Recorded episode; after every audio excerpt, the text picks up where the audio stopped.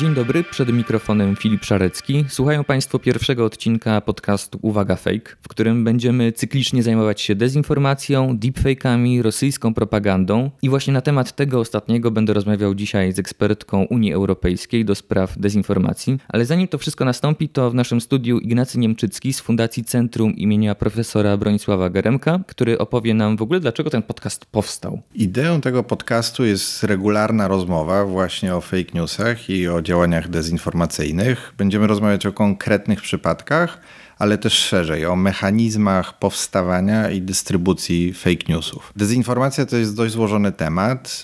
Nie chodzi tylko i wyłącznie o po prostu nieprawdziwe informacje, ale też o pewne działania propagandowe, które powodują, że postrzegamy rzeczywistość inaczej niż ona faktycznie wygląda. Dlatego w ramach podcastu będziemy rozmawiać z zewnętrznymi ekspertami, ale będziecie też mieć e, okazję e, usłyszeć zespół naszych analityków, którzy na bieżąco monitorują monitorują sieć i widzą, jak fejki rozlewają się po całym internecie.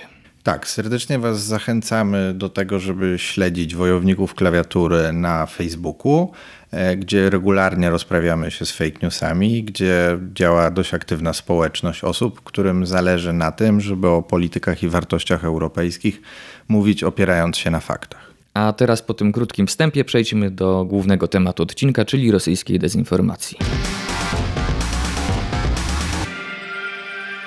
Jest z nami pani dr Martyna Bildziukiewicz, ekspertka do spraw komunikacji, członkini Stratkomu i zajmująca się rosyjską dezinformacją w internecie. Może tak to skrócę. Wszystko się zgadza. Dzień dobry. Chciałem się zapytać właściwie, jak, jak to wygląda od strony komisji i osoby, która nie wie właściwie, jakie, jakie Komisja Europejska podejmuje działania w sprawie dezinformacji. Jak to wygląda od strony wewnątrz? Komisja Europejska w tej chwili podejmuje cały szereg działań. Zacznę od tego, czym ja się zajmuję.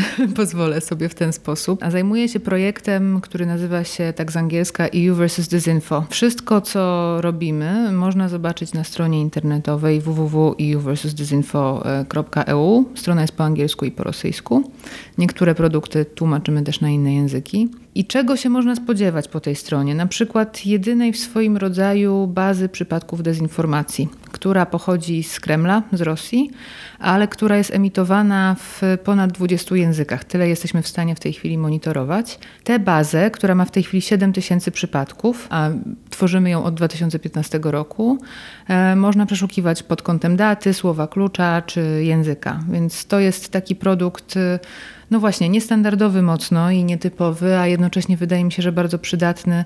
Na przykład, jeżeli obywatel czyta, czy słucha, czy ogląda coś, co wydaje mu się podejrzane i chce sprawdzić, czy ten przekaz gdzieś się już y, pojawiał i chce go sprawdzić po prostu pod kątem tego, co w nim jest. Więc może to zrobić na przykład poprzez naszą e, bazę danych. Poza tym e, zajmujemy się wyciąganiem takich większych wniosków na temat tego, co widzimy na co dzień w kwestii dezinformacji. Tworzymy mniejsze i większe analizy, które też przedstawiamy na naszej stronie i które staramy się pisać takim językiem prostym i zrozumiałym właśnie dla zwykłego obywatela, żeby e, mógł tenże obywatel zrozumieć, na czym polega całe zjawisko i dlaczego właściwie należy się nim przejmować, bo należy się nim przejmować moim zdaniem. Poza tym, czym my się zajmujemy, a może jeszcze dodam tylko, że, że my pracujemy na na narracjach, jak to się mówi tak trochę po unijnemu, e, czyli na przekazach, na konkretnych przekazach, e, które udowadniamy, że nie są prawdziwe, ale pracujemy też na danych, czyli wchodzimy na różne media społecznościowe i staramy się zbadać, e, nie tylko zresztą na media społecznościowe, również na strony internetowe i w ogóle, że się tak wyrażę, do internetu. I próbujemy zbadać drogę danej narracji, jak ona się zmienia i jak przechodzi właśnie z jednego kanału na inny kanał.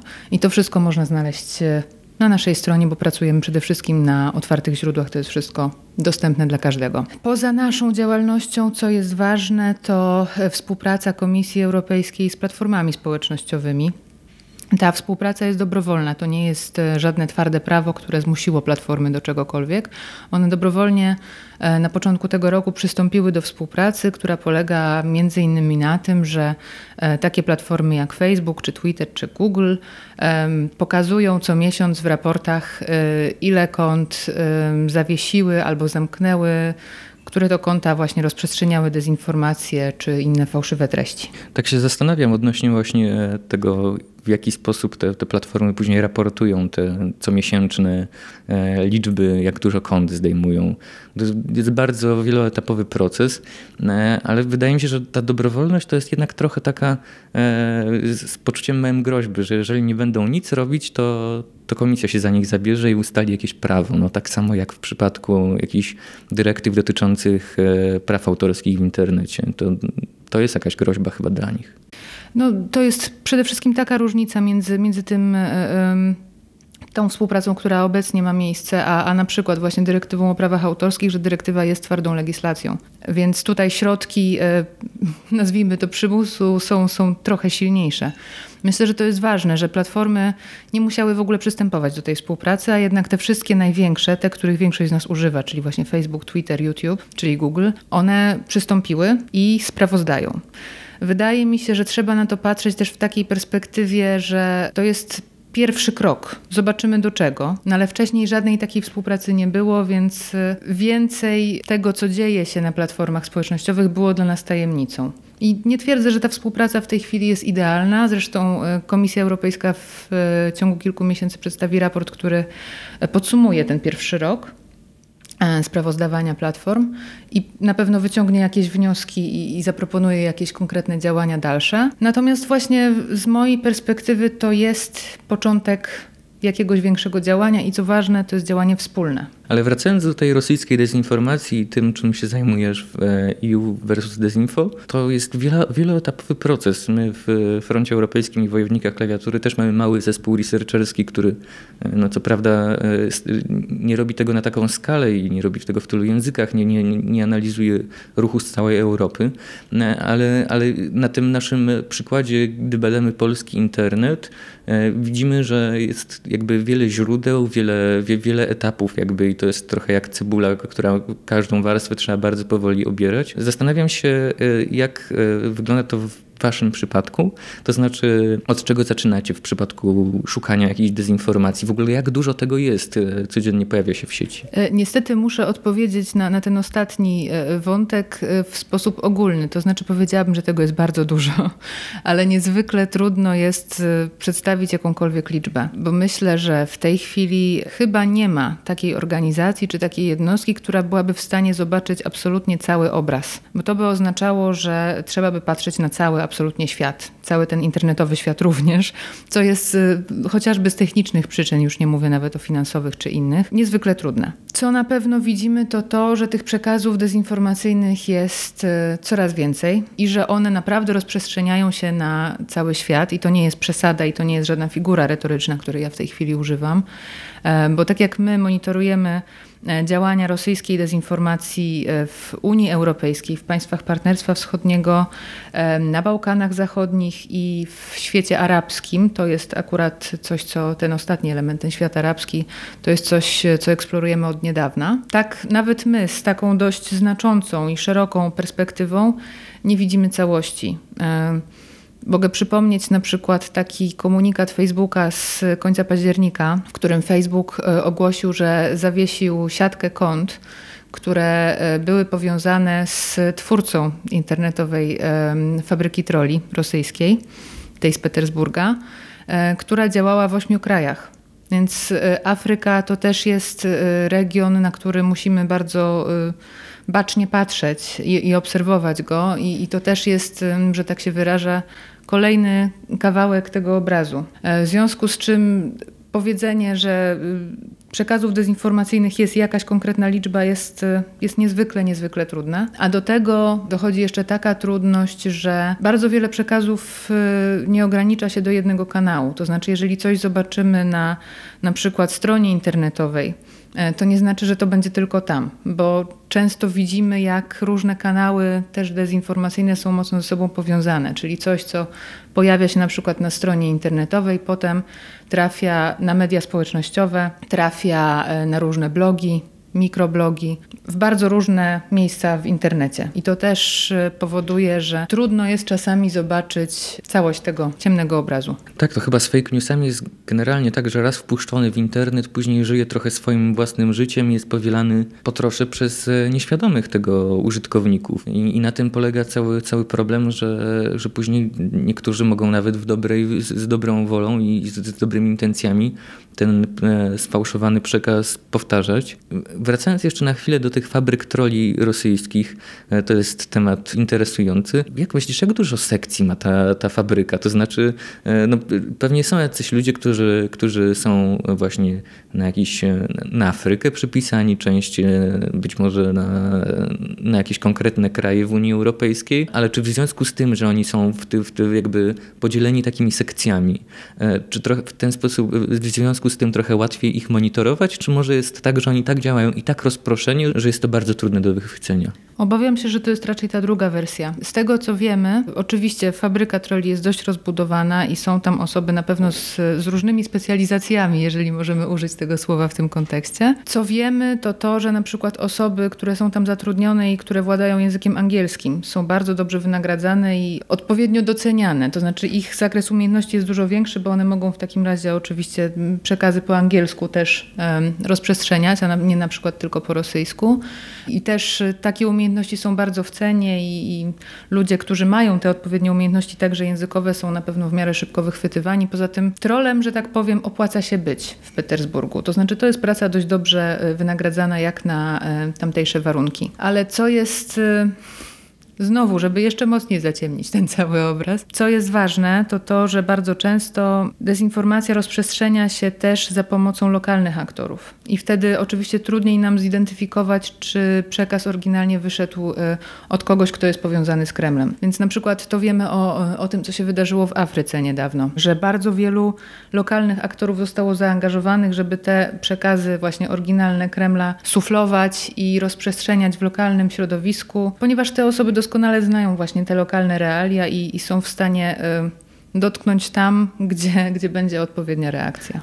Mam wrażenie, że z rosyjską dezinformacją jest też trochę tak, że jest trochę ze wszystkich stron. To znaczy, jeżeli jest opublikowany jakiś news na Sputniku, to można się spodziewać, że, że to będzie właśnie element propagandy rosyjskiej, ale e, chodzi mi też o charakter tych, tych treści. To znaczy, że mogą być skrajnie prawicowe, skrajnie lewicowe, e, mogą być podważające wiarę w naukę, nie wiem, antyszczepionkowe czy, czy antyfale 5G, które przejmą władzę nad, nad naszymi mózgami. Najbardziej różne i najdziwniejsze rzeczy mogą być y, związane z rosyjską dezinformacją, ale zastanawiam się, co finalnie ma to na celu. To znaczy, jeżeli rosyjska propaganda podgrzewa powiedzmy jakąś skrajną prawicową grupę i skrajnie lewicową grupę jednocześnie, no to, y, to, to chodzi tylko o destabilizację, czy o coś jeszcze?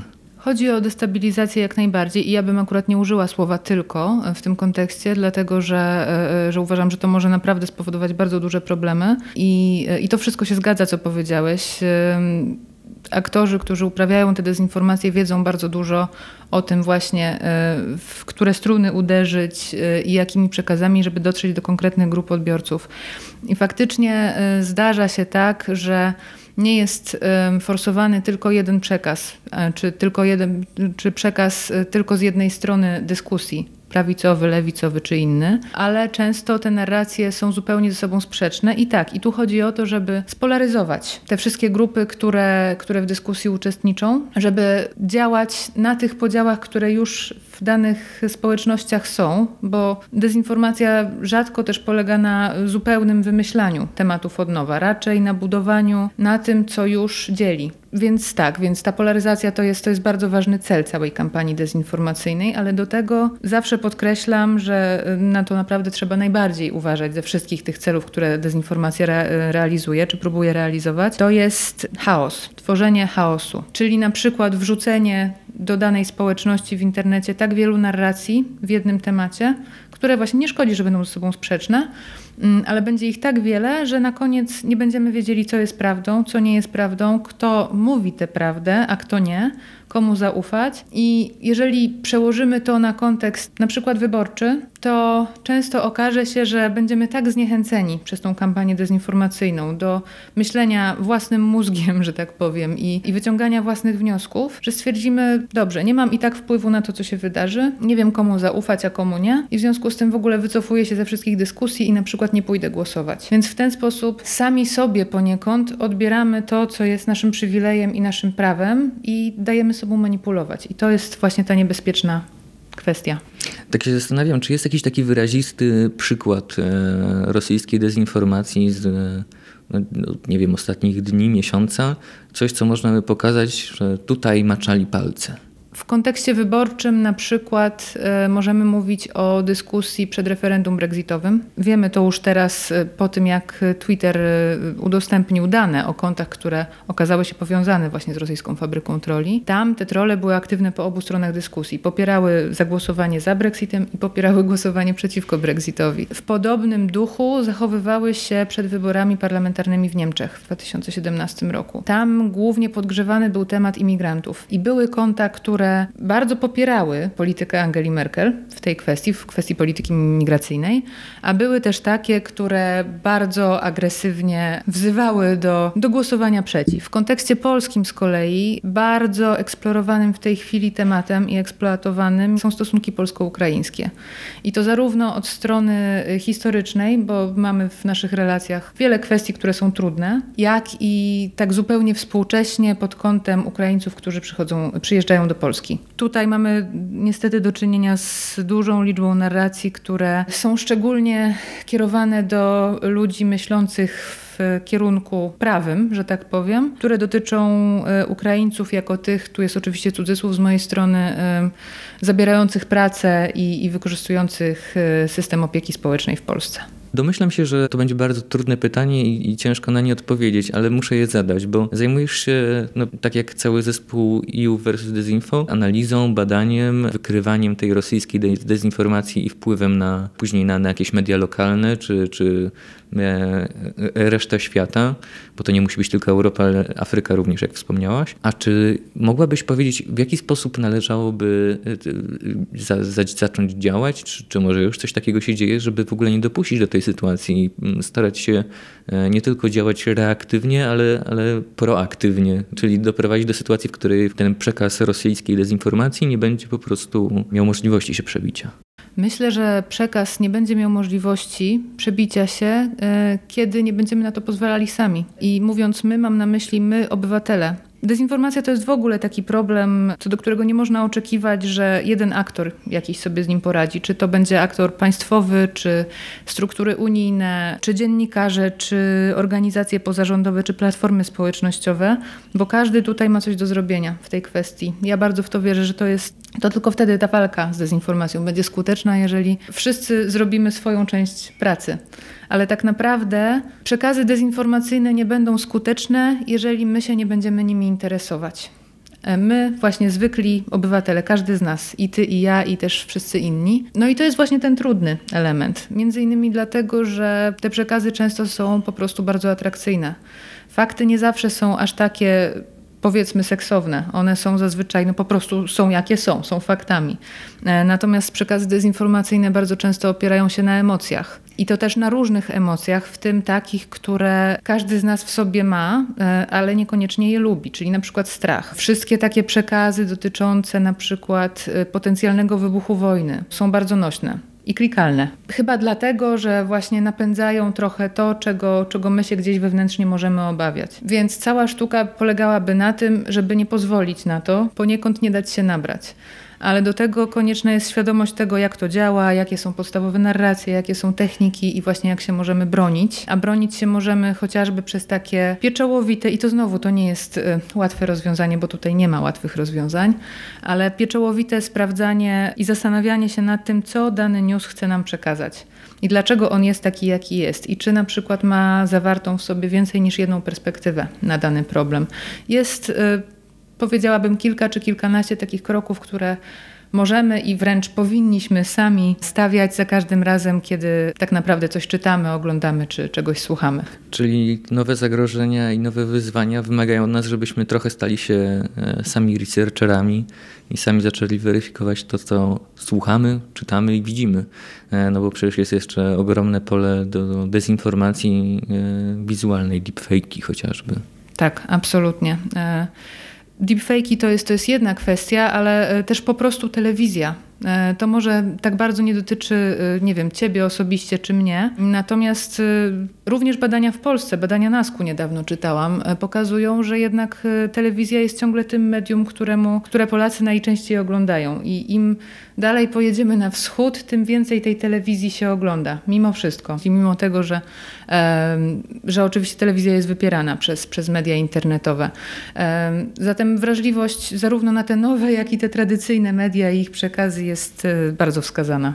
Tak, zwłaszcza, że nie, nie zawsze to telewizja musi mieć na celu dezinformację, ale wystarczy nabrać dziennikarza i, wystar- i, i to wystarczy, żeby przekazał już e, zmanipulowaną informację, która przejdzie przez wiarygodne telewizyjne medium.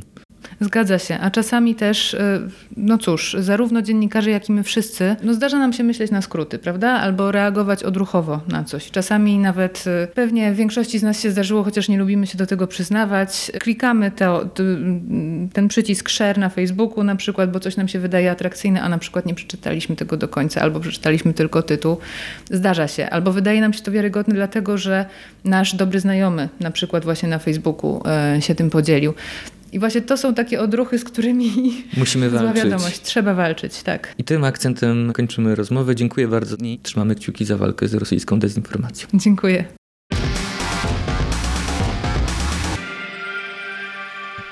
To był pierwszy odcinek podcastu Uwaga Fake. Kolejne odcinki już niebawem. Podcast został zrealizowany dzięki wsparciu przedstawicielstwa Komisji Europejskiej w Polsce. Do usłyszenia.